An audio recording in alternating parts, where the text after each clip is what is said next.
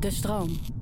Mijn gast vandaag is Ray Klaasens en die ken je vast van Kamp van Koningsbrugge, voormalig commando, voormalig geheime dienst. Echt een avonturier om te zien ook. Uh, in zijn werk staat verbinding heel erg centraal, dat je de dingen samen moet doen. Maar bij alles wat hij vertelt en doet en weet, vraag ik me altijd af, is dat iets wat je in je moet hebben of kun je het misschien ook trainen met routines? Als er één rol is die leiderschap heeft, is om te zorgen dat de sfeer goed is. En dat kost energie, dat kost tijd, dat kost geld. Dan moet je je laptop dicht doen. Dan ga je allemaal dingen niet meer verbeteren in je PowerPoint en in je documenten. Want je bent bij de mensen om te voelen van waar zitten we met elkaar. En om iets te brengen van, je, van jezelf naar de rest. Wat is een mens zonder houvast in zijn manier van leven? En ieder heeft een handvat en eigen rituelen. Orde in je hoofd zodat alles te overzien is. We praten over routines. Wat er achter je ligt, daar kun je van alles uit leren. Maar dan moet je niet te lang bij stil blijven staan. Je moet het toepassen naar voren. dus achter je liggen de lessen en voor je liggen de kansen. We praten over routines. Je hebt Jocko Willing, die ken je vast. Zeker, ja. Die heeft het altijd over het verschil tussen uh, half vijf ochtends en half vijf s middags. En uh, dat om half vijf ochtends wordt er niet aan je getrokken. De wereld beweegt nog niet. Alles wat je doet is voor jou half vijf s middags is het precies andersom. Iedereen mailt, iedereen belt, iedereen wil wat. Je hebt al die taken die nog af moeten voor het einde van de middag. Maar daaruit blijkt ook iets dat er hangt nog altijd om eh, defensie, militaire commando's, navies, noem het allemaal maar op. Dat vroeg opstaan. Dat daar zo'n magie zit. Ja. Sta jij vroeg op? Ja, ja? ja nou, relatief vroeg op. Want ik, ik weet dat Amerikanen die staan gewoon nog anderhalf uur eerder op. Hè? Ja, gekkigheid. Ja, sommigen zetten gewoon vier uur de werken en een kwart over vier staan ze in de gym. Zo en dan zag je dus ook als je dus een, uitwisseling had in Amerika. Dat die bedrijvigheid op zo'n base om half vijf ochtends. Ja, dat is niet Nederlands in elk geval. Maar goed, je kunt eh, ook om eh, negen uur of half tien beginnen met je werk. Ja, eh, wij beginnen eerder om zeven uur. Of om half acht. En dan sta je dus om zes uur op of om half zes. En daar heb ik ook echt helemaal geen moeite mee. Nee? Nee. Want hoe ziet die ochtend eruit verder? Nou ja, bij mij gaat wel de wekker. Ik word dus niet zelf wakker. Want als die niet gaat, dan, uh, dan blijf ik dus ook gewoon liggen. Dus ik, bouw wel door de week heen vermoeidheid op, omdat ik best vaak vroeg opsta. En het weekend heb ik dus ook even nodig om, uh, om bij te tanken. Zo werkt het. En die ochtend, uh, ja, de laatste tijd ontbijt ik eigenlijk niet een appeltje. Soms in de auto. Soms een koffie. altijd wat water. En dan ga ik, na twee keer in de week ben ik aan het sporten. Uh, echt flink Met Erwin, zag ik Erwin van Beek. Ja, ja die, die, kennen elkaar. Ja, natuurlijk. Ja, ja, ja, Dat is echt wel in, in CrossFit echt een, uh, een pionier en een autoriteit. Ja, ik merk gewoon dat ik van hem gewoon eigenlijk alles aanneem waar het gaat over deze, nou ja, dit, dit, dit soort sporten. Ik hou van die intensiteit. Ik ben er net nog geweest. Ah. Lekker. Ja, en ik vind het dan ook leuk om dan om zeven uur daar te staan. Ik moet er nog een uh, nou, drie kwartier voor rijden. Weet je, ik ben er niet meteen. Dus ik ben, ja, kwart voor zes gaat de wekker. En dan heb ik ook niet altijd zin natuurlijk. Maar ja, ik weet gewoon wat het oplevert. Het is een heleboel energie. En die, en die autorit daar naartoe, hè? Van, uh, doe jij nog dingen voordat je zo'n training ingaat om je daarop voor te bereiden? Nee. Nee, ik zit echt... Uh, ik, ik weet gewoon als ik begin, en dat heb ik altijd zo gehad... Ik ga er echt vol voor. Dus als ik klaar ben, ben ik ook echt op en af. En dan zit er dus niks meer in. Ja, dat vind ik heerlijk. En dat moet je dus ook niet elke dag doen. Hè? Want ik train, ik heb nu toevallig uh, met mijn zoon zit in een appgroep met wat vriendjes van hem. We hebben een challenge dat we 300 push-ups per dag doen. Dit gaat zeg maar gewoon elke dag daardoorheen. En de volgende keer is dat, uh, is dat weer een andere challenge. Maar dat vind ik gewoon leuk. En niet zozeer om nou per se die, die prikkel van sport te hebben. Maar gewoon om elkaar gewoon enthousiast te maken. Dat het gewoon fijn is om wat te doen. En daar zit gewoon uh, nou, energie omheen. En het steekt aan. En mensen die, die komen daar naartoe. Ja, dat vind ik mooi. De sport verbindt ook op die manier. Ja, dat is het ook. Hè? Je bent meteen samen iets uh, aan het doen. Ja, en ik zie, ja. Maar bij je training is het dus zo, je pakt twee keer in de week zo'n hele intensieve, eh, waarschijnlijk CrossFit Metcon-achtige training met Erwin. Ja. Um, bij, doe je dat bij uh, CrossFit 020? Bij nee, nee, dat doe ik bij hem in de studio thuis. Ah, thuis. Ja, dat is wat dichterbij. Dat is gewoon praktisch. En vanuit daar plan ik eigenlijk mijn dag verder. En dan maar de rest van de, de week daaromheen in beweging. Dan doe je push-up challenges of andere dingen nog erbij. Ja, en uh, ik ren graag. Dat vind ik gewoon leuk. Uh, ik heb me dus laten vertellen nu, ik, dat heb ik dus nooit geweten, dat het, als je wat ouder wordt, dat het ook niet echt helpt met uh, core stability. En ik ben gewoon echt iemand van lange afstand en ik vind dat gewoon leuk. En ja, nu ik dat dus merk dat ik op een andere manier bezig ben met, met, met, met kracht uithoudingsvermogen, zeg maar, veel volume in een kortere tijd. Dat ik gewoon eigenlijk veel lekker, veel minder pijntjes heb en zo. En dat lopen, dat leidt uiteindelijk tot heel veel kleine pijntjes. In mijn onderrug, en in mijn- mijn knieën en in mijn hamstrings. En ik had overal wel een beetje last. Maar ja, daar ging ik natuurlijk niet naar luisteren. hè, Want eh, ik ben de baas, hè, niet het lichaam. Ja, dus uiteindelijk, als je dan wat ouder wordt, dan merk je wel van dit is ook niet best. Want het ging op een gegeven moment allemaal een beetje pijn doen. En daar is bij mij ook vandaan gekomen dat ik denk, ik moet dat anders gaan doen. Wat heb je veranderd? Ja, dus ik ben uiteindelijk, ik heb mezelf dus gewoon laten coachen van waar ligt dat nou aan? Dus ik ben eh, op een gegeven moment bij een acupuncturist geweest. Die heeft ja. gewoon echt een aantal dingetjes eh, echt aangepakt en behandeld. En ik had er altijd profijt van eh, drie, vier dagen daarna. En dan kwam het weer terug. Ehm, nou, poosje bij een chiropractor geweest om echt eventjes met mijn rug bezig te zijn. Dat hielp.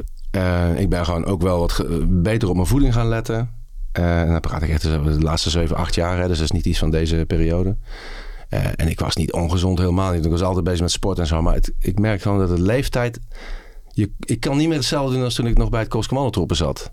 En ik had ook de slijtage gewoon te pakken van altijd met dat... Met, met, ja, met, het is gewoon altijd zwaar werk. Extreem afzien. Ja, in de kou. En het is je lichaam, eh, je leidt er gewoon onder. En, als je dat dus, en ik zorgde dat dus eigenlijk, weet ik nu, helemaal niet voor. Ik ging nooit naar een masseur. Ik ging nooit naar een eh, pedicure, wat die voeten echt nodig hadden. Dus eh, ja, dat systeem, dat, dat heeft gewoon flink belasting betaald. Terwijl in, welk was het Platoon of een van die, die klassieke Vietnam films...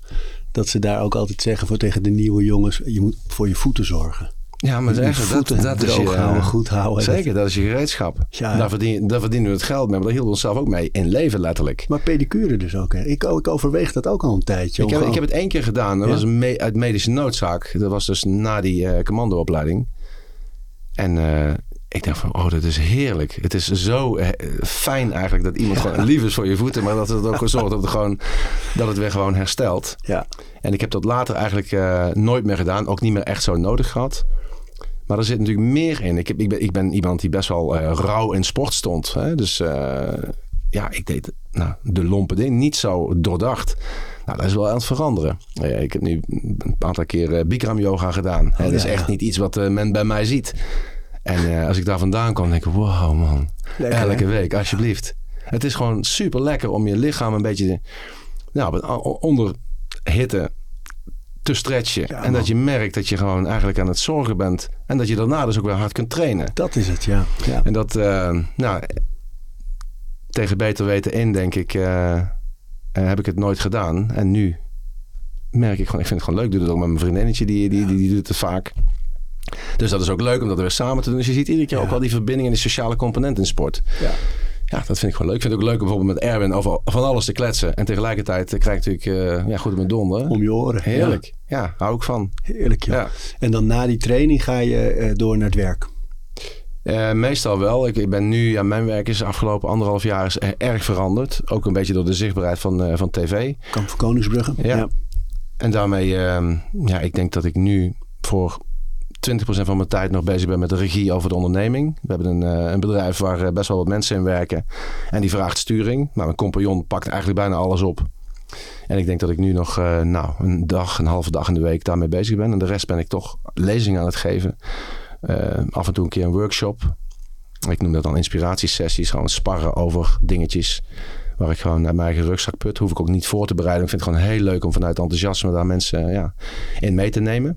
Ja, ik hoorde jou in een ander interview iets heel moois zeggen. Dat als je in zo'n situatie zit, dat je bijvoorbeeld met een raad van bestuur of eh, iedereen vliegt je in voor Ja. advies en spiegeling. Ja, En, en lessen vooral. Ehm, dat je, had je het over het idioom. Dus de, de woorden die ze gebruiken en Ja. dat die zo in de weg kunnen zitten. Ja. Dat vond ik een heel mooi eh, voorbeeld. Kun je toelichten wat je daarmee bedoelt? Dat, dat zo'n zo'n groep bestuurders soms, doordat ze zoveel taal tot hun beschikking hebben, niet verder komen samen. ja, ja, dat is het precies, ja. Ik heb toen volgens mij gezegd dat als je dus ergens echt mee zit... dat vaak heb je de tijd niet om het goed uit te spreken met elkaar... en dus in verbinding te raken, want dat is wat het is. En dat je, ik zeg dan, als, er een, als je een knoop in je maag hebt... dat gevoel van, nou, wat de hele tijd aan je kop intikt... maar je durft het niet te vertellen of je, je weet nog niet wanneer... of de timing, of er is altijd wel een excuus om het niet te doen. Maar die, die knoop die heeft tekst nodig. En zodra jij die knoop tekst geeft en het dus uitspreekt... Want die knoop is namelijk, die heeft namelijk een spiegelbeeld. Die zit namelijk in iemand anders buik. Want je loopt niet alleen met het probleem rond. Iemand anders heeft dat ook. Maar als je, als je praat met elkaar, dan geef je de ander eigenlijk de kans om een ventiel in te drukken en te ontladen met emotie. En er moet boosheid uit, of verdriet, of opluchting. Maakt niet zoveel uit wat het is. Maar daarmee word je samen heel echt. En omdat we die angst voor willen zijn, hebben we zoveel tekst en zoveel. En hoe, hoe, slimmer we zijn. En hoe welbespraakter we zijn, des te moeilijker het is om tot die kern door te komen. Want je wordt eigenlijk gewoon continu de tuin geleid. Waarom we de dingen doen die we doen. Terwijl je eigenlijk wil je gewoon de verklaring achter gedrag weten van mensen. Maar ja, als je dan dus, als je voelt van nee, je spelt me iets op de mouw. Dan ga je natuurlijk niet zeggen, dat is on, onbehoorlijk. En als je dit bij bouwvakkers doet, die dus nou, nog niet eens zozeer minder intelligent zouden zijn, maar die, hebben gewoon, die, zijn, die zijn gewoon veel rechtstreekser in hun, in hun uh, uitlatingen. En die gaan je gewoon vertellen dat als jij daar iets doet wat, wat ze niet vertrouwen, dan krijg je het direct op je bord. Dus je weet meteen. Veel eerlijker. Waar de, veel eerlijker. Waar de emoties zitten, dat je eigenlijk aligned bent met datgene wat je voelt en wat er besproken wordt, maar ook wat je ervaart. Dus het vertrouwen is er sneller. En je hebt dus ook veel minder dubbele agenda's, veel minder andere belangen, veel minder achterkamertjes. Het ligt gewoon eigenlijk uh, direct op straat. En ik, ik, pak nu een beroepsgroep eruit, maar het, gaat er mij om dat, dus als je dat, uh, nou, intelligentie koppelt aan welbespraakt zijn, dat je dus eigenlijk een soort toolkit hebt om maar niet tot de kern te komen met elkaar. Nou, alsjeblieft zeg. En als je ze dan uh, adviseer je ze dan ook daarin? Hoe, hoe ze dat wel kunnen leren doen? Ja, dat, is, dat probeer ik dan. En ik vind dat dus ook moeilijk. En ik, ik begin ook altijd zo'n sessie met... Ik, ik, ik, ja, ik probeer jullie te inspireren vandaag. En dat, en dat betekent dus dat als jullie met elkaar... Je nodigt mij namelijk niet uit omdat je het geld te veel hebt. Hè? Je nodigt mij uit omdat je iets wil veranderen, toch? Ja, ja, dat willen we. Nou, dus als je hetzelfde blijft doen als gisteren, verandert er niks, toch? Nee. Dus je moet iets anders gaan doen. Ja, nou, dat moeten jullie dus gaan doen. En daar zit het probleem. Je gaat niks anders doen. Dus mijn taak hier is om je te inspireren. En als dat lukt, dan ga je morgen iets anders doen. Want anders ben je alleen maar geamuseerd, maar niet geïnspireerd. Nou, dus op het moment dat jullie morgen iets bereid zijn om iets anders te doen, betekent dus dat je moeite gaat doen. Dan ga je dus iets doen wat je eigenlijk liever niet doet. Nou, daar zit de hele moeilijkheid. Dus alles wat ik je na ga vertellen, zit in het feit dat je het waarschijnlijk niet gaat doen. Je neemt het je wel voor, je gaat erover praten, je, denkt er misschien aan. Maar het echt omzetten in die actie, er zijn er maar een paar die dat doen. En, de, en die zitten hier ook bij die paar. Dat is nou gewoon de normaalverdeling van in elke stat, statistische verklaring. Uh, waarschijnlijk zijn er hier van deze tien mensen twee of drie die dat gaan doen. En dat worden mijn ambassadeurs. Daar richt ik me toe. Daar gaat ook mijn energie in. Dus als ik je vandaag laat liggen in het gesprek, hoop ik dat je je vervelend voelt. Want het betekent dus dat ik gewoon geen connectie met je heb en dat je het niet gaat doen. Die mensen die hebben de tijd en die voelen het en die gaan ervoor en die hebben de overtuiging en het willen. En die krijgen mijn energie. En, dat, en zo doe ik dat dus ook. En als nu mensen luisteren en denken: oh ja, maar dat heb ik ook, want er zijn heel veel dingen die ik nog wil, of die ik wil, of die ik anders wil. Het lukt me niet. En dat gaat dus ook hierover: dat je blijft in die comfortzone, je durft er niet uit te stappen om echt te veranderen. En als je dan realiseert dat je daar zit, hè, van, van in zo'n groep bijvoorbeeld, wat, wat zie je bij mensen gebeuren dat ze gaan schakelen en denken: nee, wacht even, ik, ik, ik moet ik moet iets veranderen, anders gebeurt er niks. Ja, wat, dat is een beetje denk ik de... Het is natuurlijk niet het geheim van de smid, maar eh, eigenlijk, je, je, hebt dus, je wil mensen raken. Als je mensen raakt, gaat er wat gebeuren. Dus ik moet op zoek naar casuïstiek. Ik moet op zoek naar de oude koeien. Ik moet op zoek naar de pijntjes, de haarscheurtjes. En, alles, en, en die, die weet ik natuurlijk niet, want die gaan ze niet vertellen. Dat is een beetje het ding. Dus het, truc is van hoe krijg Want het moet ook veilig blijven. En ik, ik, ik kan die veiligheid niet waarborgen door een reputatie, een cv of een, een offerte. Ik moet dat, daar, dat moet ik met ze proberen te doen. En het enige wat ik dan probeer te doen is om, om, om afstand te maken tot, tot hun omgeving. Want daar zit de onveiligheid. Dus ik neem ze mee naar mijn wereld. En ik ga vertellen over hoe veiligheid werkt bij bijvoorbeeld een speciale operatie. En wat het belang is, dat als je op leven en dood met elkaar iets gaat doen, dat je gewoon brutally honest bent met elkaar omdat je anders gewoon niet weet wat je aan elkaar hebt. En dus kan betekenen dat je niet meer met elkaar terugkomt. En daar in dat verhaal kan ik me zo kwetsbaar opstellen met alle fouten die ik gemaakt heb. Waardoor er aan de andere kant iets gebeurt. En dat verhaal moet dus ook drama hebben. Want met drama kom je binnen. En dat mag ook, hè, je moet het ook weer niet te dramatisch maken. Dus er moet ook een knipoog en, en, en, en er moet ook gelachen worden. En er moet ook energie in. En er moet een, een intent achter zitten met informatieoverdracht. Dus er zitten nogal wat puzzelstukjes in. Die in mijn verhaal naar voren moeten komen. Wil ik toekomen om die drie mensen te zeggen: ja, ik heb jullie nu gewonnen. En ik weet ook zeker dat ik er drie heb die voelen zich vreselijk geïrriteerd. Want ik zit in de blinde vlek en dat doet pijn. Te, porren. Te porren. En, en, ik, en ik vroet daar ook echt in. Want het is, ja, dat is een beetje de stijl. En dan moet je ook durven. En het is ook echt wel eens Nou, een paar keer misgegaan. Ja? Ja, dat is echt een, ja, dat ik echt zelf met de staart tussen mijn benen echt eh huis tot duin uitliep. Ja. Ja. Want? Nou ja, ik, eh, ik, ik had gewoon mezelf overschat daar. Dus ik dacht van, eh, ik ga even de bedrijfsnaam niet noemen, want dat, dat wordt heel onhandig. Maar in elk geval, de mensen die daarbij geweest zijn, die herkennen dit. Eh, er zit een, een, een zaal vol met 200 ehm, eh, consultants en managers van een, van een groot, eh, grote corporate. En die hadden een probleem. En dat probleem, of nee, die hadden geen probleem. Die hadden een tweedaagse gehad. En die tweedaagse moest gezellig afgesloten worden. Het moest een beetje de sfeer en er was de afronding. Dus ze hadden een keynote speaker uitgenodigd. Dat was ik. Ik was vroeg in mijn ervaring als spreker. Ik denk dat het een, eerste, een van de eerste tien of zo was. Maar wel, ik had vol energie. En ik wil ook iets opkomen lossen natuurlijk. Dus ze hadden de, de, de slogan. ehm, ehm, in het Engels was dat dan vertaald. Maar het was zoiets van: eh, als we de lat hoog willen leggen, dan moeten we dit met elkaar doen. Want zodra we met elkaar de schouders omzetten, kunnen we alles. Dat was een beetje de. Nou, oké, daar hadden ze twee dagen mee ingericht. En eh, ze hadden de avond ervoor echt een eh, goed feest gehad. En er was een groepje van de man of 40 van de 200 die hadden het echt, die hebben het licht, licht weer aangedaan. En ik zei, ja, oké, wat is dan het probleem? Maar op zich is dat niet het probleem, want daar houden we wel van. Maar vanochtend hadden we om eh, acht uur op het strand eh, in, Noordwijk hadden we een, eh, een challenge. Moesten we een sloep verplaatsen. Die sloep die weegt 15.000 kilo, die ligt op rollen. En er zitten hele lange touwen aan. En als je met, met elkaar aan die touwen trekt, gaat die sloep verplaatsen. Dus met elkaar kunnen we alles. Maar dan moet je dan natuurlijk wel met 200 man zijn, want daar is dat op berekend. En dan moet je hard werken. Dus als je er dan 40 mist, dan gaat die sloep natuurlijk niet verplaatsen. En de regen die kwam echt horizontaal uit de hemel.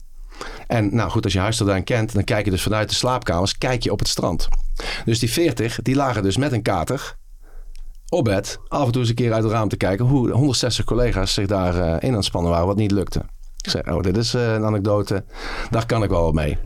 Dus ik begin mijn verhaal en in het Engels, ja goed, ik spreek Engels, maar het is toch net wat anders om een punt te maken. Dus ik word wat hoekiger in wat ik vertel. Nou, dat kon die boodschap al helemaal niet gebruiken. Dus op een gegeven moment, ik zeg, eh, ik zeg, was gisteren gezellig jongens? Ja, dat was heel gezellig. Mag ik eens weten, wie heeft dit heel laat gemaakt? Nou, daar komen inderdaad ongeveer 40 vingers naar boven. Ik zeg, en hoe was de ochtend? Ja, natuurlijk veel gelach, want ja, nee, wij waren er niet bij. Ik zeg, nee. Ik zeg, maar eh, wat was een beetje jullie, eh, de strekking van die tweedaagse? Ik zeg toch dat als je de lat hoog legt, dan heb je iedereen nodig. Ik zeg, mag ik jou eens vragen? En ik richt me tot de man voorin. En ik laat het dan ook niet los. Hè? Ik zeg, eh, waar was je? Ja, ik, lag op mijn bed. Maar ik zeg, maar wat vind je er nou van dan? Ik zeg, wat vindt de rest daarvan? Ik zei, nou, ik hoor niks. Je is aardig stil. Ik zeg, en ik, ik, bleef maar, ik denk zo drie, vier minuten op die man. Die echt door een helemaal gesloten armen over elkaar. Ik zeg, mag ik eens vragen? Ik zeg, wat is jouw functie hier? De directeur. Je raadt het al. Dit was gewoon de CEO. Over het goede voorbeeld. Ja, dus dat was natuurlijk mijn volgende punt. Ik zeg, eh, ooit gehoord van voor. Nou ja, dus dat, ik, ik, ik, ik zakte natuurlijk in een moeras van... eh, ik was in ieder geval niet de gezellige afsluiter. Nee, dat ging echt eh, goed mis. Zo, ja. Dus ja, je kunt daar, als je dat dus niet bewaakt, dan heb ik ook geen. Hè, ik was meer met mezelf bezig en mijn punt wat ik wilde maken dan dat ik denk, oh, wat is nou eigenlijk de, de functie van wat ik hier over wil dragen? Zo, ja, ja. Ja. Ja, maar ik, ik, dat vind ik wel. Dat vind ik een van de mooiste eigenschappen eh, die, ja, die jullie, zeg ik dan even, bij, bij commando's zo, zo goed hebben ontwikkeld. Dat je normaal gesproken in elke situatie kan aanpassen. Van volledige vrede en rust en lachen naar acuut gevaar, stress, eh, daarmee omgaan. Ja, En dat je in zo'n situatie normaal gesproken, jij, hebt- je bent gewend en getraind om niet de controle te hebben over wat er allemaal kan gebeuren.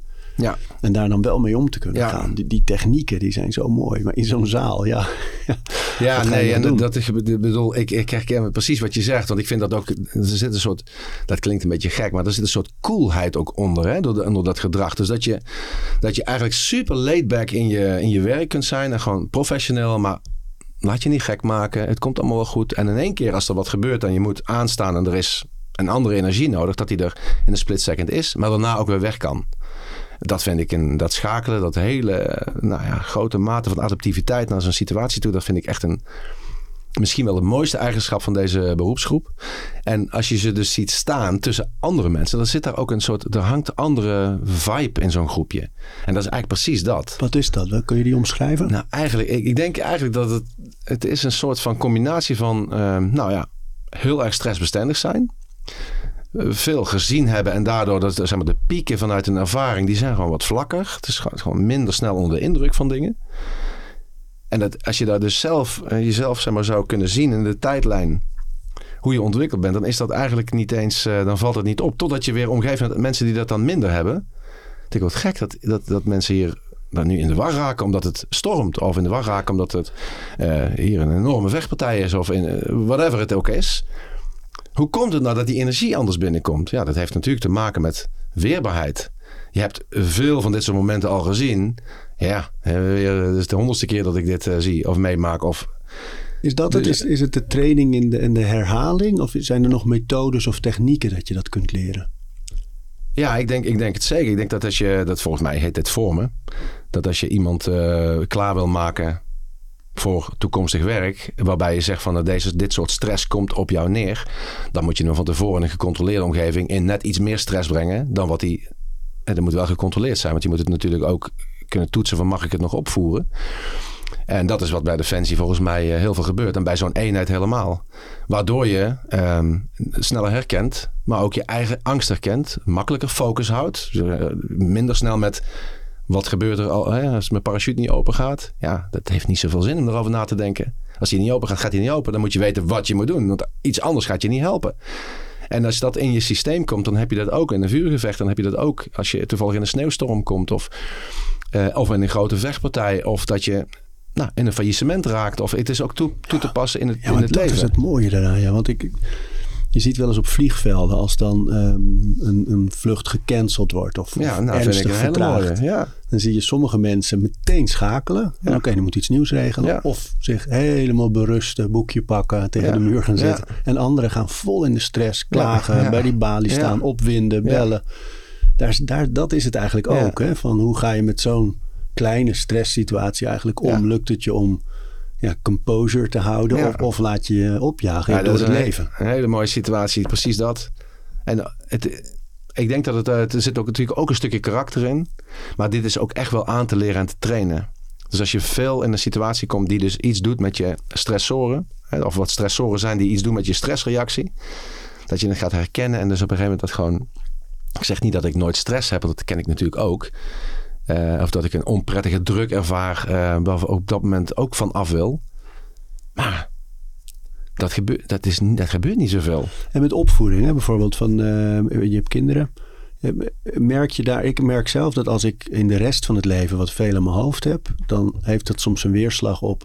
Dat ik net iets een korter lontje, net iets ongeduldiger, een keer snap of Ehm, terwijl de dagen dat ik daar bewust van ben en dus wel die controle hou in zo'n situatie, me niet op laat jagen door hun gedrag of de dingen die ze doen. Um, had jij dat ook? Dat je als je die technieken beheerst in het één, vertaalt het zich dan ook naar opvoeding bijvoorbeeld? Ja, ja dat denk ik wel, ja. En ik, um, ik heb bijvoorbeeld nog een heel moment, een bewust moment toen ik net, toen ik hele jonge kinderen had. ik zat toen volgens mij ik studeerde toen op de universiteit in Twente. Dus ik was veel ook thuis. En de toenmalige vrouw werkte. Dus ik was ochtends met de kinderen bezig. De routine van de ochtend. Dat was mijn ding twee jaar lang. Ah, nou overdrijf ik. Maar ik heb in ieder geval ook mijn aandeel gehad. De rest van mijn leven echt een stuk minder. Maar toen heb ik hem echt genomen. En dan krijg je dus, dat is een heel andere stress hè. Kijk, je kunt nog zoveel op, op uitzending zijn geweest of uh, gevaarlijke dingen. Maar kinderen die op tijd moeten komen, die gewoon niet doen wat je eigenlijk van ze vraagt. Ja, dat is, dus dat doet iets met je als ouder. En dan heb je dus een neiging, tenminste ik had een neiging, laat ik het lekker bij mezelf houden. Kom op, uh, opschieten uh, over vijf minuten. Ja, dat gaat natuurlijk allemaal niet helpen. dus je wil ze dus zelfstandig maken. Je wil de sfeer ook prettig houden. Dus op een gegeven ik super geweest. Want ik, ja, maar wat ben ik nou eigenlijk aan het doen? Ik ben hier dus zo druk op aan het leggen op kinderen. Omdat ik ja, eigenlijk de wekker gewoon te laat zet. Of omdat ze te, laat uit bed komen. En uh, natuurlijk gewoon kind zijn. Dus hoe ga ik ze nou zelfstandiger maken? En hoe ga ik nou zorgen dat, dat ze er zelf zien van... hé, hey, als ik niet op tijd ben, is dit voor mij niet prettig. dat je een soort van oorzaak-gevolg uh, erin gaat brengen. En niet een ouder die dat... Je moet natuurlijk coachen, maar... Of hey, je moet het natuurlijk wel een goede banen leiden. En Hoe dat is heel bewust, bewust, Ja, dat, dat, is, dat is dus gewoon een soort van bewustwording geweest. Van ik ga gewoon relaxter hiermee om. En ik zorg dat ik niet te laat kom. Want zo zit ik dan zelf een beetje in elkaar. Hè. De school moet geen last ondervinden van het feit dat wij eh, dit niet voor elkaar krijgen. En er zijn ook ouders die zeggen, ja, dat is dan maar zo. Dan ben ik maar een keertje eh, vijf minuutjes later. Nee, ik heb gewoon de wekker gewoon echt riant eerder gezet. En maar eens gekeken hoe dat vanuit ontspanning gaat. En dat gaat dus in één keer heel veel prettiger. Dus dat is een grappige vertaling. Want als je dus een goede sfeer hebt. ook in het bedrijfsleven, maar ook in een gevechtsoperatie en ook in een gezin, dan is die, als, als de relatie goed is, dan kun je eigenlijk alles doen met elkaar. En dan kun je ook tegen een deukje. Dan is het helemaal niet erg om een keer te zeggen van... Uh, nou, whatever je dan uh, op, op, commentaar hebt. Maar als je dus altijd maar met die output bezig bent... en de relatie misschien een beetje ondergeschikt maakt eraan... maar hoopt dat die goed meegaat... ja, ik uh, ben daar dus heel erg van afgestapt. En zit hem dat vooral in voorbereiding? Ook een deel, ja. Ja, het is natuurlijk een deel van wat, wat staan we te wachten. Hè, maar, maar het zit hem denk ik met name gewoon in het bewustzijn van dat... Ja, hoe zeg je dat nou? Nou, als ik het even bij het gezin weghaal, maar naar, naar, een, naar een bedrijf of naar, naar een team trek. Hoe werk je nou aan die goede sfeer? Hè? Dus als daar, um, en dat heeft ook te maken met verbinding en samen dingen doen die niks te maken hebben met de output van waar je voor aan de, aan de lat staat. Maar die te maken hebben van wie ben jij eigenlijk en zie ik je. En als jij een fout maakt, ga ik dan die fout benoemen of ga ik je opvangen en je helpen. Uh, waardoor veiligheid ontstaat en, en dus ook sfeer. En als die sfeer goed is, uh, wordt wel eens gezegd bij Defensie, want sfeer is gevechtskracht. Dan kun je eigenlijk met elkaar alles, omdat je gewoon veel van elkaar over hebt. En toen ben ik op een gegeven moment overgegaan naar het woord. Uh, je hebt de veerkracht binnen een team, is eigenlijk sfeerkracht. Ja, dat woord sfeerkracht, er zit zoveel in. in, in maar ook oog hebben voor sfeer. Dus als leiderschap, dat is bijvoorbeeld iets wat ik dan graag verkondig ook. Als er één rol is die leiderschap heeft, is om te zorgen dat de sfeer goed is. En dat kost energie, dat kost tijd, dat kost geld. Dan moet je je laptop dicht doen. Dan ga je allemaal dingen niet meer verbeteren in je PowerPoint en in je documenten. Want je bent bij de mensen om te voelen van waar zitten we met elkaar. En om iets te brengen van, je, van jezelf naar de rest. Ja, en dat kost inderdaad tijd en energie. Maar dat, dat is een soort katalysator van alle andere processen. En dat, um, ja. Er zijn er andere dingen, want eentje die je nu noemt, laptop dicht, aanwezig zijn bij de mensen. Dus die aanwezigheid, dit is een vorm van aandacht. Zijn er andere dingen die je doet om zo'n sfeer te beïnvloeden? Ja, ja, het is een soort van uh, bewustzijn dat je moet werken aan de identiteit van uh, zeg maar de organisatie. Als ik het bij mijn bedrijf heb, we zijn heel bewust van waarom lopen de mensen nou niet bij ons weg? En waarom is het een soort van magneet van die graag bij ons willen werken? Dat heeft met dingen te, te maken. Dat, wij betalen niet het allerbeste. We hebben niet het allerleukste werk. En toch loopt er niemand weg en komen ze heel makkelijk naar ons toe. Dus er is iets wat we daar goed doen. Dat is het verhaal wat we vertellen. Dus als je een verhaal weet te vertellen, dat verhaal zit de identiteit opgesloten. Dat gaat dan al heel snel over kernwaarden. Hè, van wat vinden wij hier belangrijk. Maar dat gaat ook over hoe lopen we erbij. Hè, je kunt, uh, even flauw gezegd, het goedkoopste uh, werkuniform pakken. En mensen denken, nou, moet ik weer. Of je zorgt gewoon dat, dat er coolness uit mag stralen. Uh, dat heeft te maken met het logo wat je hebt. Met de tradities die je inbrengt. de verhalen die je vertelt van de mensen die iets bijzonders gedaan hebben. Dat je ze ook echt op een voetstuk durft te zetten. Wij doen iets met een challenge coin. Dat is een, uh, ongetwijfeld, ken je dat? Nee, dat, nee. Ja, nou, dat komt uit uh, de politie en de, of de, eigenlijk de defensiewereld. Waarin uh, eigenlijk krijgt iedereen een coin die hoort bij een bepaalde eenheid. Daar staat dus ook een, een de, de, het credo van, de, van die eenheid op en een logo. En daar zit een nummertje in, dat is jouw nummertje. Dus dat zit iets in van anciëniteit. Er zit ook iets in van, uh, er staat ook vaak in, bij ons altijd een dolle kop. Dat zegt iets over durf en moed. En we hebben dat eigenlijk geadopteerd en ook in het bedrijf toegevoegd. Dus iedereen die bij ons werkt heeft een eigen coin. Daar is ook een feest omheen gemaakt. Dus iedereen die een coin heeft, die iets bijzonders betekent heeft voor ons of die bij ons werkt, die wordt uitgenodigd. En dan doen we ook een, daar doen we dus iets ludieks mee met die coin. Je hebt een eigen nummer. Maar het grappige is, als jij een heel laag nummer hebt, dus je hebt nummer 12, dat betekent dus dat je eigenlijk bij het begin van het bedrijf hoort. Dus uit een heel ander tijdgevricht dat bedrijf meegemaakt hebt. En daarmee een verhaal kunt vertellen om anderen te inspireren van hoe het ooit was. Heb jij een hele jonge coin, of een hele uh, een hoog nummer, nummer 400, dat betekent dus dat je bent er weliswaar pas net, maar dat, daar ben je niet minder door of zo. Maar dan hoop ik dat je dus ook luistert naar van wie zijn wij nou hier eigenlijk? Wat is nou ons DNA? En dat versterkt enorm. Deze aflevering van Overroutines wordt aangeboden door Squarespace. Een alles-in-één platform waar je je eigen website kunt bouwen en beheren. Het maakt niet uit of je producten, diensten of je passie met de wereld wil delen. Het kan allemaal bij Squarespace.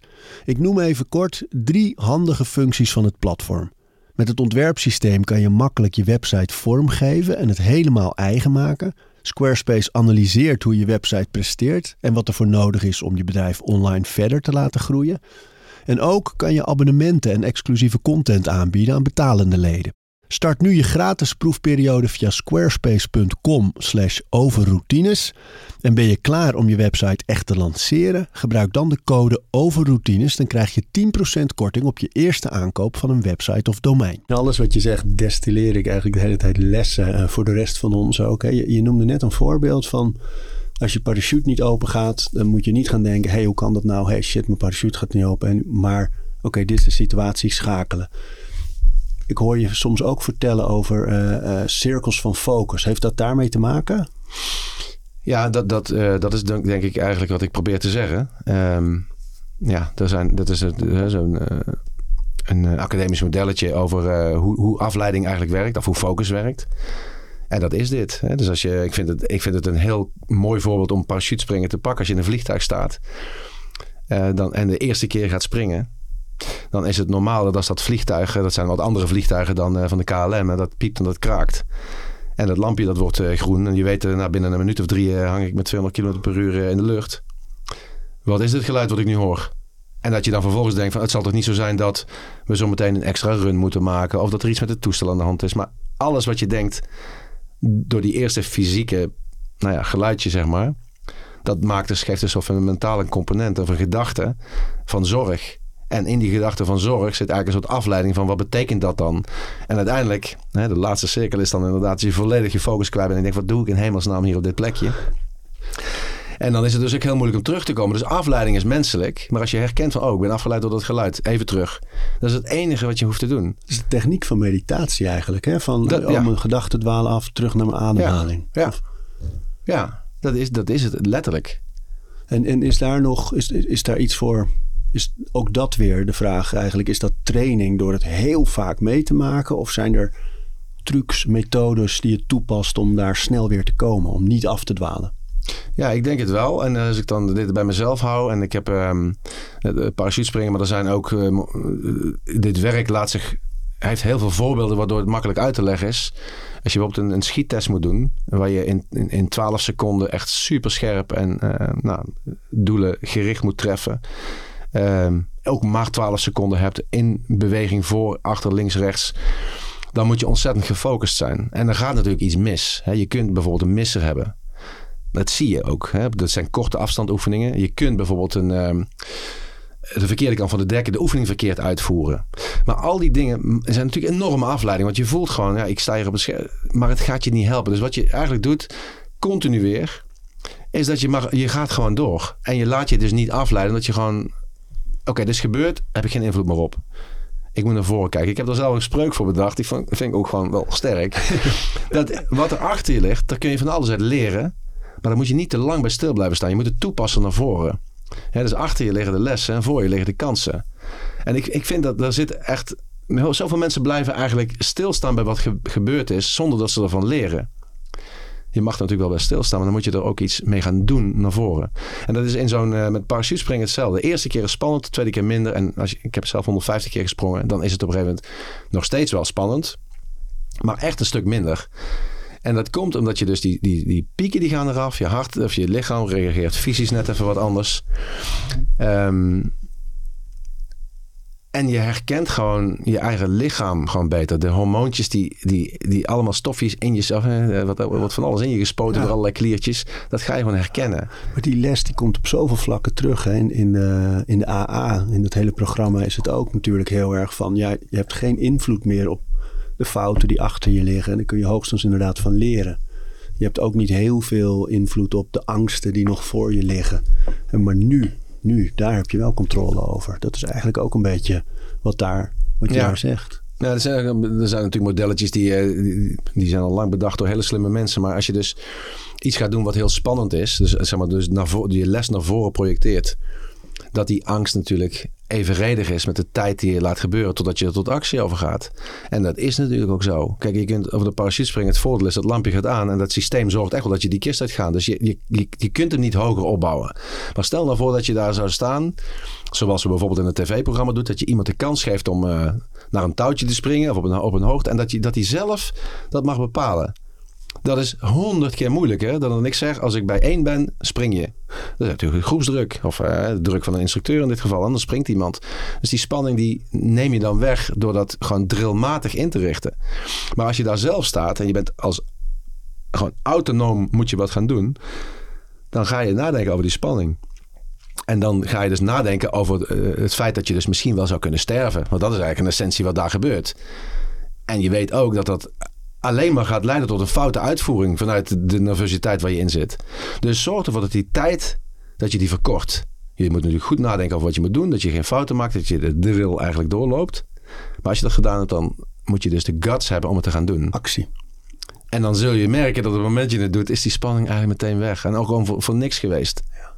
En dat helpt heel erg bij de tweede keer. Omdat je weet van, het valt inderdaad altijd mee. Ik kan niet iets bedenken wat niet meeviel.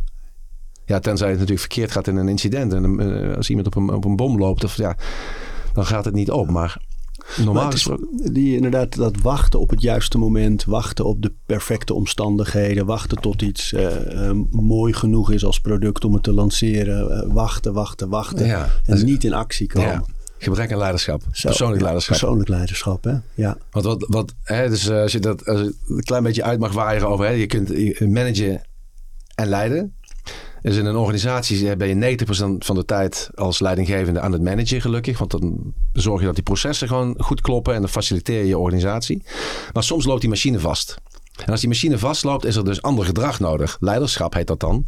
En dat is in essentie alleen maar kiezen. Dus je kiest om dingen niet meer te doen en dingen wel te doen. En dat de mensen daar nog steeds enthousiast mee aan de slag gaan. Terwijl ze weten dat het extra moeite kost of dat het hun niet per se in, het, uh, in een comfortabele positie brengt. Dat is eigenlijk een essentie wat leiderschap is. Maar ook bij jezelf. Wat is dan persoonlijk leiderschap? Ja, dat je de dingen doet die meer moeite kosten voor een doel wat je zelf gesteld hebt, wat belangrijk is. En dus niet gewoon toegeeft aan het gemak van nou ja, de weg van de minste weerstand. Dus die angst die zich opbouwt, je laat het toe, omdat je het, je wil het voor zijn. Het is gewoon een gebrek aan persoonlijk leiderschap.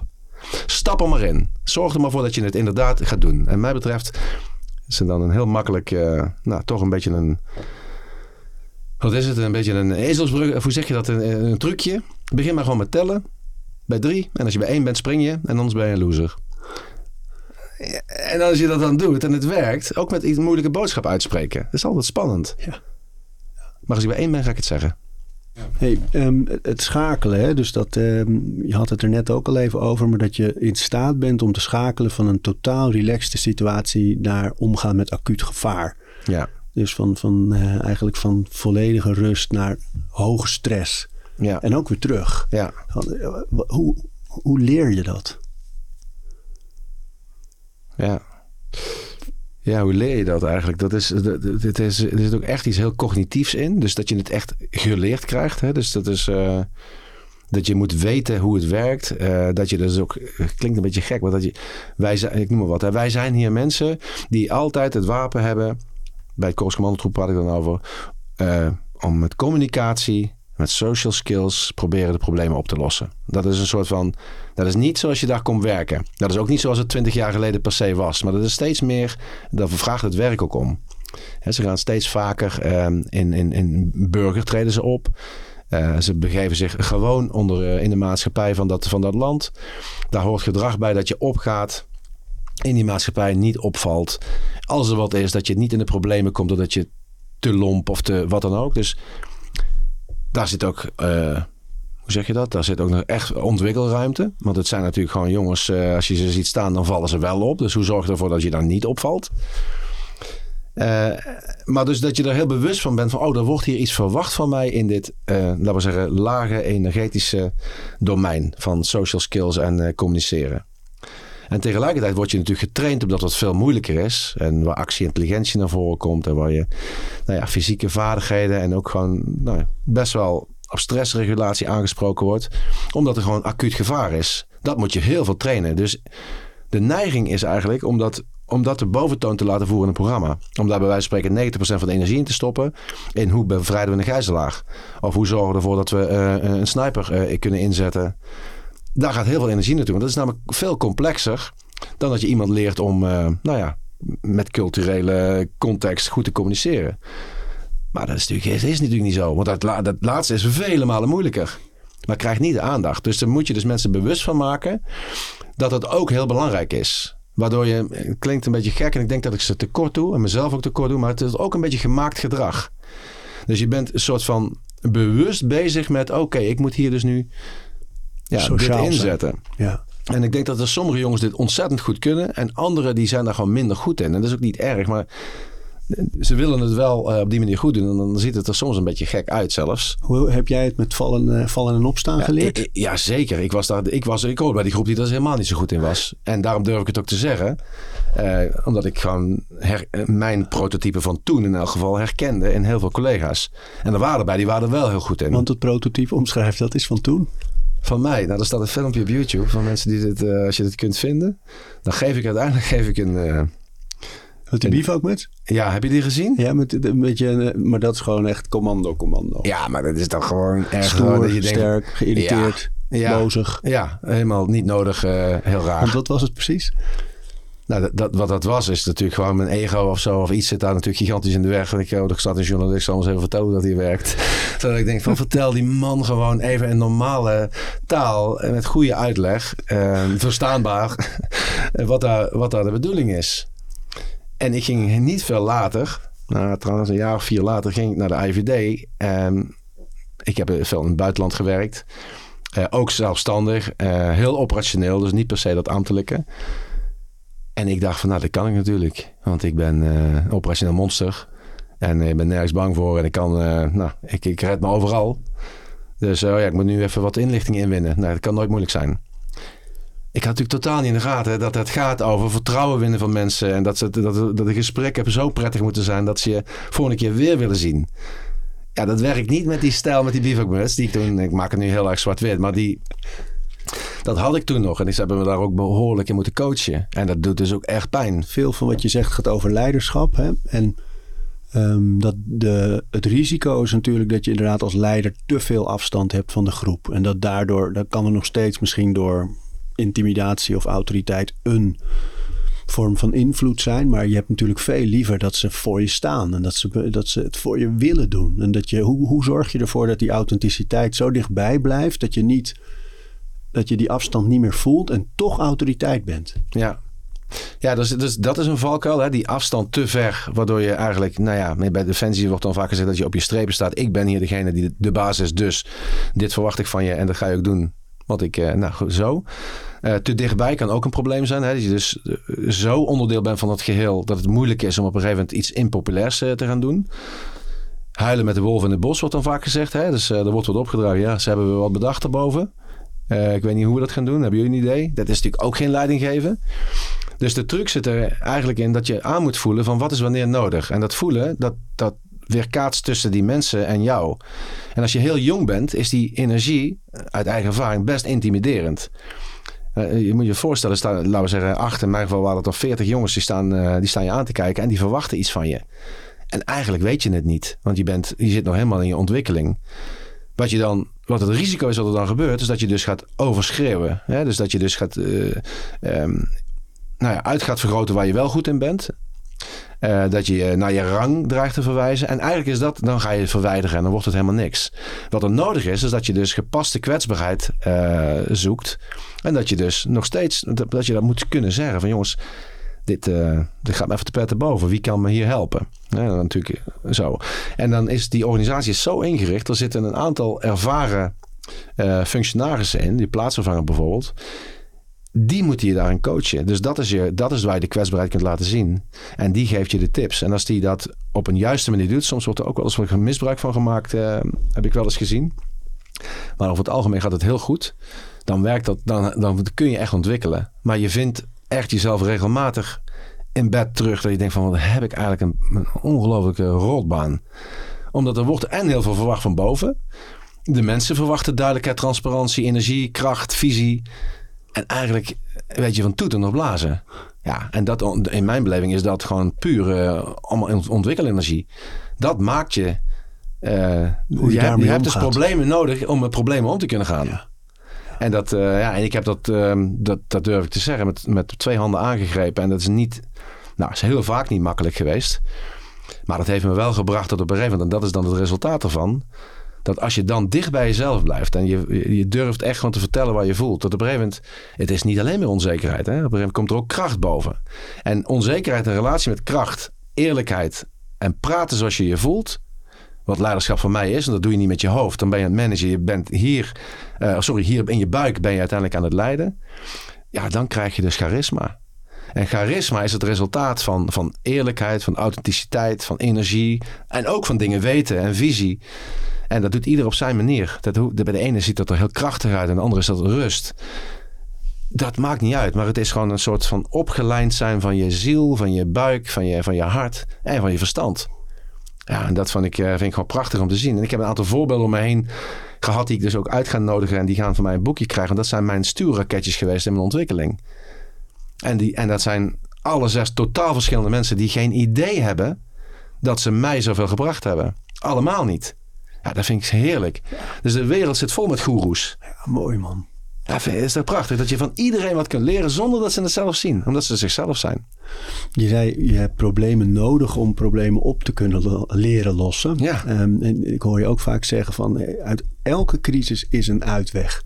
Van, um, ik, ik dacht er bij heel veel dingen die je vertelde, ook in andere gesprekken, uh, aan die hele COVID-periode. Dat mensen zo, die, uh, die hadden niet die stip aan de horizon en dan raken ze in paniek. Van wanneer is het afgelopen? Hoe lang gaat het door?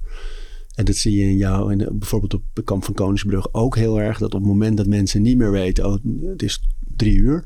Of het is uh, tot daar. Als we dat niet meer weten, dan is het paniek, angst, ja, huilen ja, ja. enzovoort.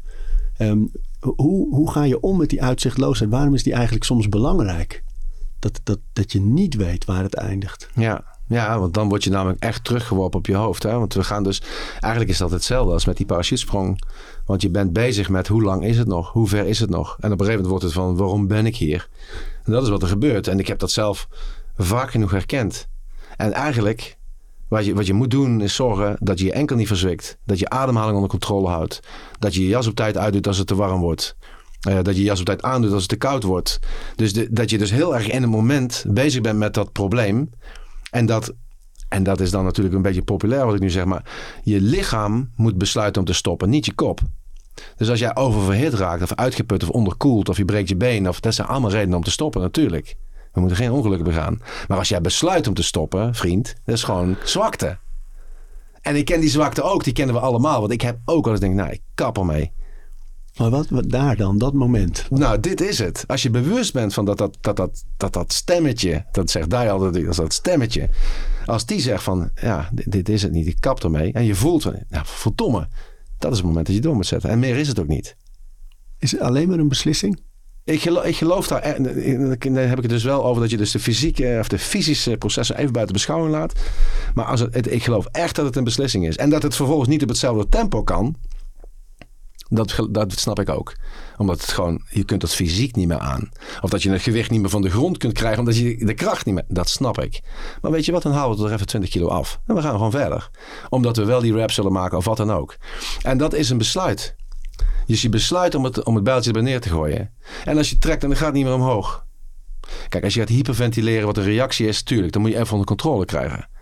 Maar dat is echt iets anders dan dat, dat, dat, dat de inspanning je eigenlijk te veel moeite kost. Maar, maar jij, ik bedoel, jij ziet al die mensen voorbij komen in de trainingen met het bedrijf, in de programma's op tv.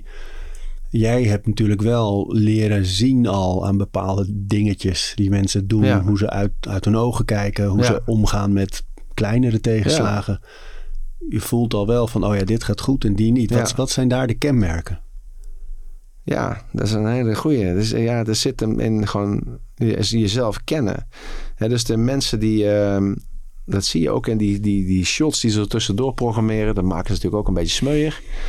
Maar vaak zit het gewoon in de zinnen zoals je ze gebruikt. Het heeft te maken met schat ik mezelf eigenlijk goed in. En soms is het dus gewoon zelfoverschatting. En als jij ontzettend sterk bent. En dan heb ik het over uh, sterk als in fysiek, crossfit, atletiek, whatever. Sterk, vechtsport. Dan, dat klinkt heel gek, maar dan heb je een, uh, heb je een achterstand.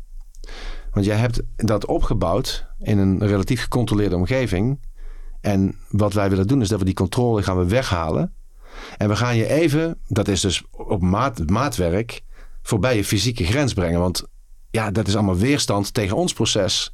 Dus als jij ontzettend sterk bent, dan heb ik bij jou langer nodig dan bij dat meisje wat een kapster was bijvoorbeeld, die ook fit is, maar toch net wat anders.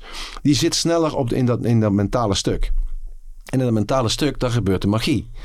Want op het moment dat je voelt van, nou, nou, mijn wereld is nu zo vervelend, alles zit tegen, dan ga ik je namelijk een vraagstuk voorschotelen. En dan hoop ik dat je doet wat wij vinden dat nodig is, namelijk dat je jezelf ondergeschikt maakt aan het team en doet wat nodig is in het moment om samen terug te komen. En dat is altijd vervelender nog dan het was. Het wordt alleen maar vervelend. Ja, en degene die dat nog nooit meegemaakt heeft, dat, dat, die, dus als mensen dat al eerder meegemaakt hebben in hun leven, gaan ze het waarschijnlijk ook gewoon uh, bolwerken. Het is net zo vervelend voor ze, maar die, die kunnen dus met die, uh, ja, met, met die gedachten beter omgaan. En er zijn natuurlijk ook genoeg mensen die, die dit in de CrossFit-box die dat allemaal ook kunnen. En dat hebben we ook gezien. Die dus gewoon die de kracht gebruiken, maar op een andere manier hebben leren afzien. Want dat is het denk ik een beetje. En ik zeg dan wel eens van als je, nou, uh, als je dit nou wil trainen. Dan moet je, en je gaat bijvoorbeeld uh, trainen voor een, uh, je wil uitzichtloosheid trainen. Dan moet je een trainingsschema eens eventjes niet bij je eigen agenda zetten, maar in de agenda van je maatje. En dan gaat je maatje, die stuurt je wel een appje wanneer jij wat moet gaan doen. En dan gaat je pas vertellen als je klaar bent, wanneer je klaar bent. Maar het, we maken één afspraak.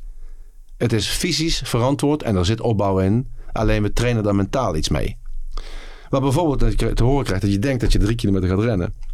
Op uh, in, zone 4. Maar uiteindelijk blijkt dat je in zone 3 35 kilometer gaat rennen. Of dat je, uh, nou ja, echt, de, de, bij Defensie hebben ze dus de, de Speedma's onbekende afstand. Die is vaak niet veel langer dan met bekende afstand. Maar het maakt je echt aardig gek als je het heel zwaar hebt. Om je maar te trainen om te blijven in het moment. Ja, want dat is het. Want ik hoor steeds dat je zegt inderdaad dat je maakt eigenlijk elke keer het klein. Dus met zo'n Mars is het bijvoorbeeld dat je alleen maar concentreert op de stap die je nu zet. En dan zet je weer een stap. En ja. nu zet ik deze stap, nu zet ik deze stap. En ja. niet denken, waar is het einde? Hey, zie ik al iets? Maar dat je dus de, de stappen zo klein maakt van, van... ja, in alles heb je dat. Ik, ik heb het bijvoorbeeld vaak met het mestscheppen thuis van de paarden. Van, die, die uh, scheidt echt veel. Dat is rond. ja. ja. En, en als je dat elke ochtend en elke middag een keer doet... ben je tien minuten, een kwartiertje bij ons... Uh, ben je beide keren klaar. Als je het één dag laat liggen, is de volgende dag een kutklus al. Ja. En, uh, en ja. nog een dag, ja, dan ben je gewoon even, wel uren bezig, gek genoeg. Het is gewoon heel veel en de regen eroverheen. En, dus, maar elke keer dus niet nadenken over, oh, wat ligt er nog allemaal? En oh, daar en daar en daar. En dan wordt het een soort intimiderend monster. Ja. Maar deze, de, deze fly nu scheppen en nu deze en nu deze, dat, dat is heel overzichtelijk. Dat maakt zo'n taak eigenlijk heel behapbaar. Ja.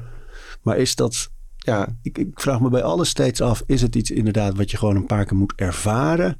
Of zijn er mensen die dat nooit onder de knie zullen krijgen, die altijd zullen breken? Ja, ik denk dat er mensen zijn die dat nooit onder de knie zullen krijgen. En ik vind het dan interessant om te kijken van waarom niet. En dat.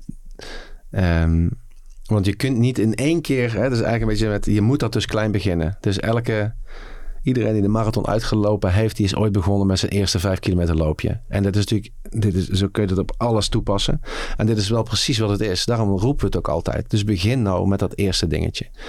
En misschien is dat wel het allermoeilijkste. Dat, dat um, die inspiratie vinden om te beginnen.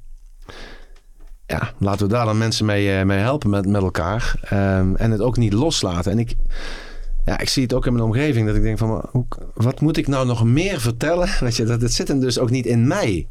Ik kan proberen om die inspiratie te brengen, maar ergens moet de sparkle bij jou binnen gaan komen.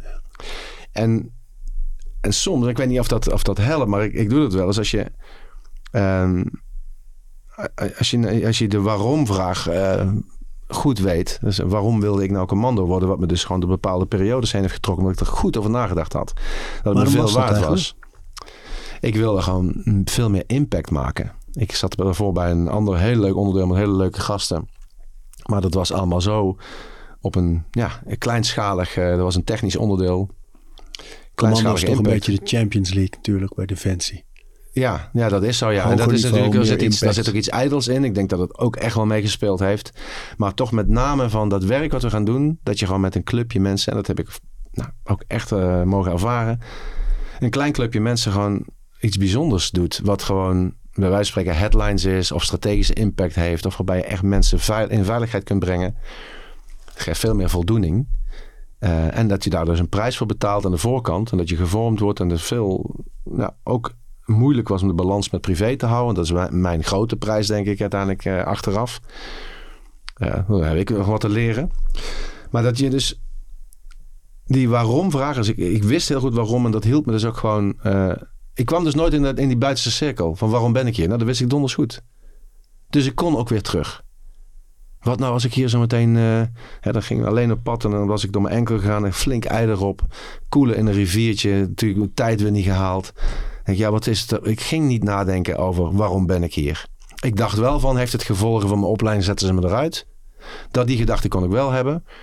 Maar niet dat ik ga stoppen. Dus dat is steeds die van het zal nooit aan mij liggen. Als ze kunnen Ja. me wegsturen, iemand Ja. anders kan bepalen Ja. dat, maar niet door wat ik doe of niet doordat ik stop. Ik- Heel erg naar je, je eigen verantwoordelijkheid. Ja.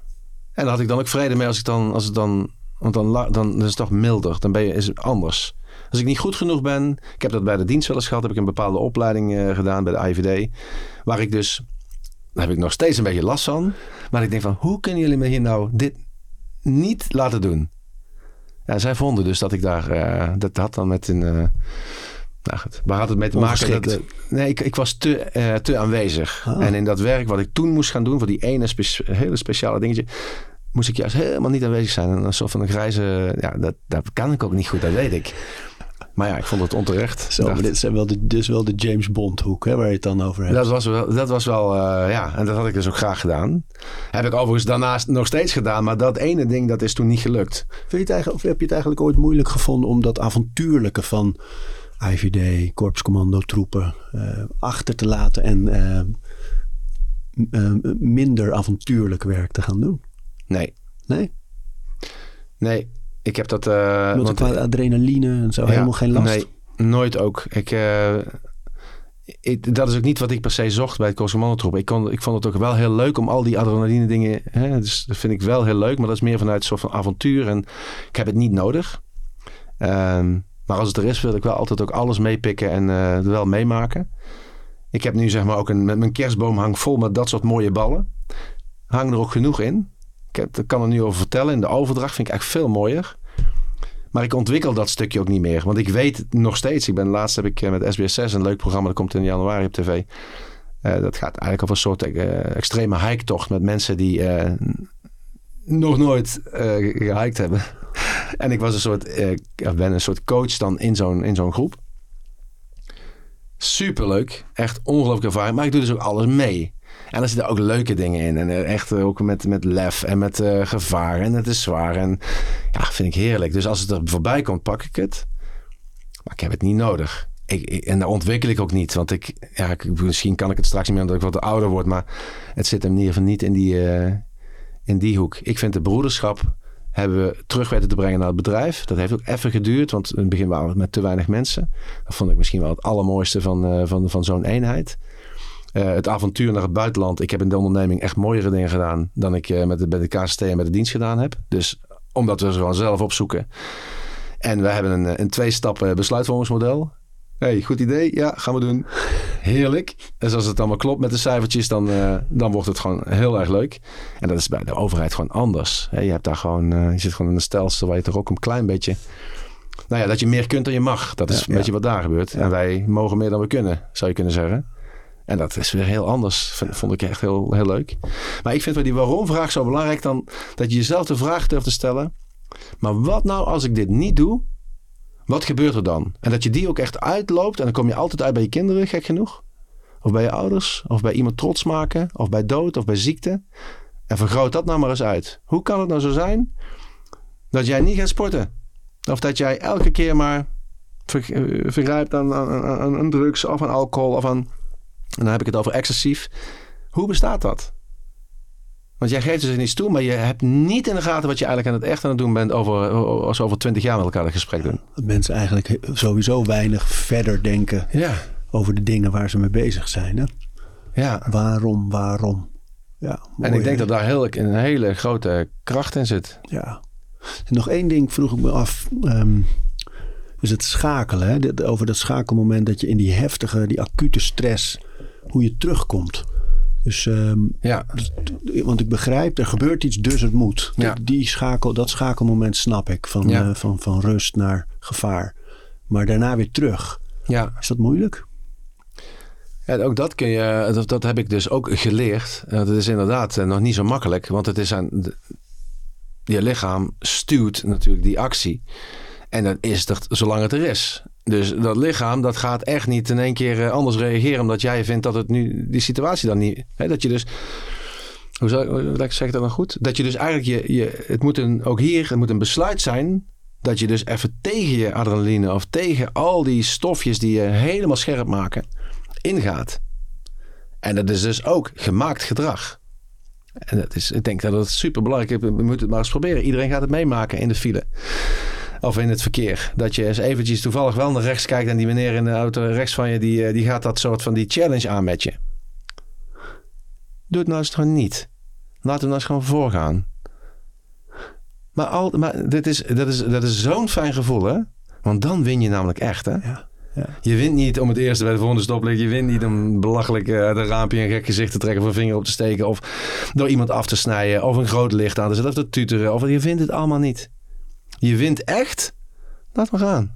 Ga erachter. En op een gegeven moment als je dat... Dat is zo'n fijn gevoel. En dat is ook leuk bij... bij is echt controle. ja. Macht- maar dan ben je dus eigenlijk eigenlijk van... Want het, het gevoel heb ik natuurlijk ook wel eens van... Ja, wacht even. Even aanzetten. En dan, als je dit als je, en dat- eh, iedere keer nou, wat ik al probeer te vertellen, maar als je dat gevoel herkent, dan kun je daar dus rationeel iets mee. En dan vervolgens, als je dus rationeel zegt nee, laat maar gaan, dan op een gegeven moment gaat dat stofje ook heel snel weg. Dat stuurt dus iets in je lichaam, waardoor je eigenlijk die situatie gewoon mastert, in mijn beleving gewoon op een, echt op een ander niveau. In plaats van die, die, die, die nou goed, dat, dat dierlijke. Want dat is natuurlijk wat het is. Het zijn allemaal ego's die met elkaar in de wereld rondlopen. En dat, ja, Grappig, Dat vind ik zijn allemaal mooi. technieken die in meditatie eh, centraal staan. Hè? Dat je dus eh, niet hoeft te handelen naar wat je denkt, eh, maar dat je terug kan.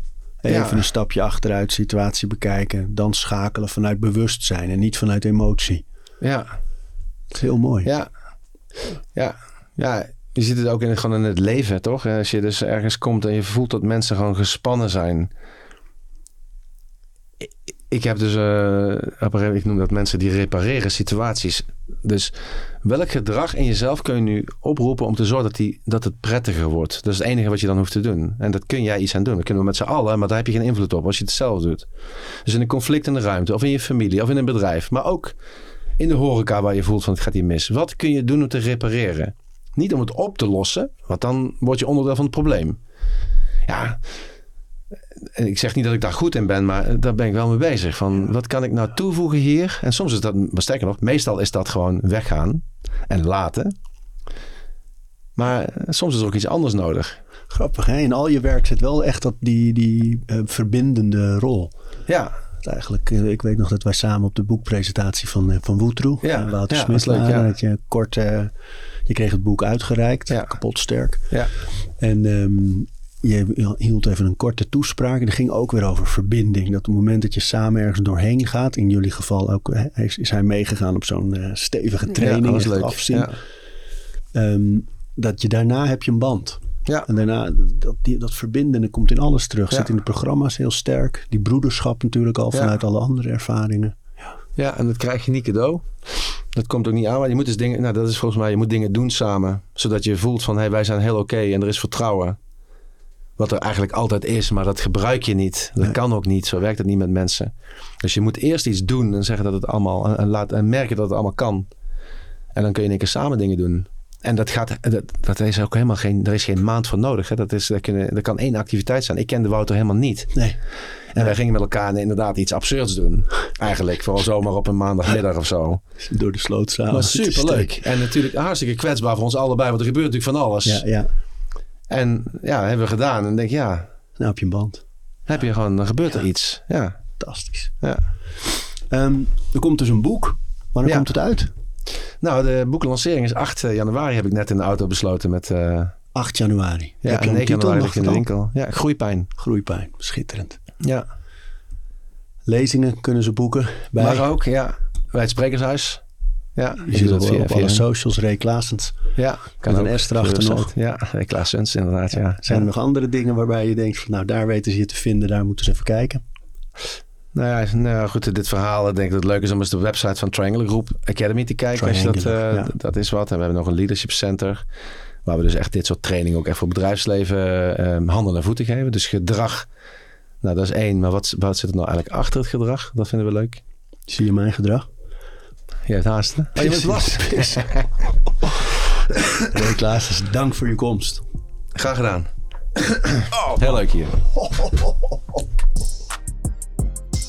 We praten over routines. Dankjewel voor het luisteren. En voordat je weer doorgaat naar andere dingen, wil ik je nog even wijzen op Over Inspiratie. Dat is het mailtje dat ik elke donderdag rondstuur met drie tips. Dingen waar ik zelf veel aan gehad heb. Kunnen producten zijn, artikelen die ik gevonden heb online, onderzoeken, eh, Instagram-accounts, podcasts, boeken, van alles eigenlijk. En ik denk dat je daar zelf ook veel aan kunt hebben. Dus vind je het leuk om dat mailtje elke week te ontvangen? Dan kun je je opgeven op ariboomsma.nl onderaan de pagina. Dan krijg je voortaan elke donderdag in je mailbox over inspiratie.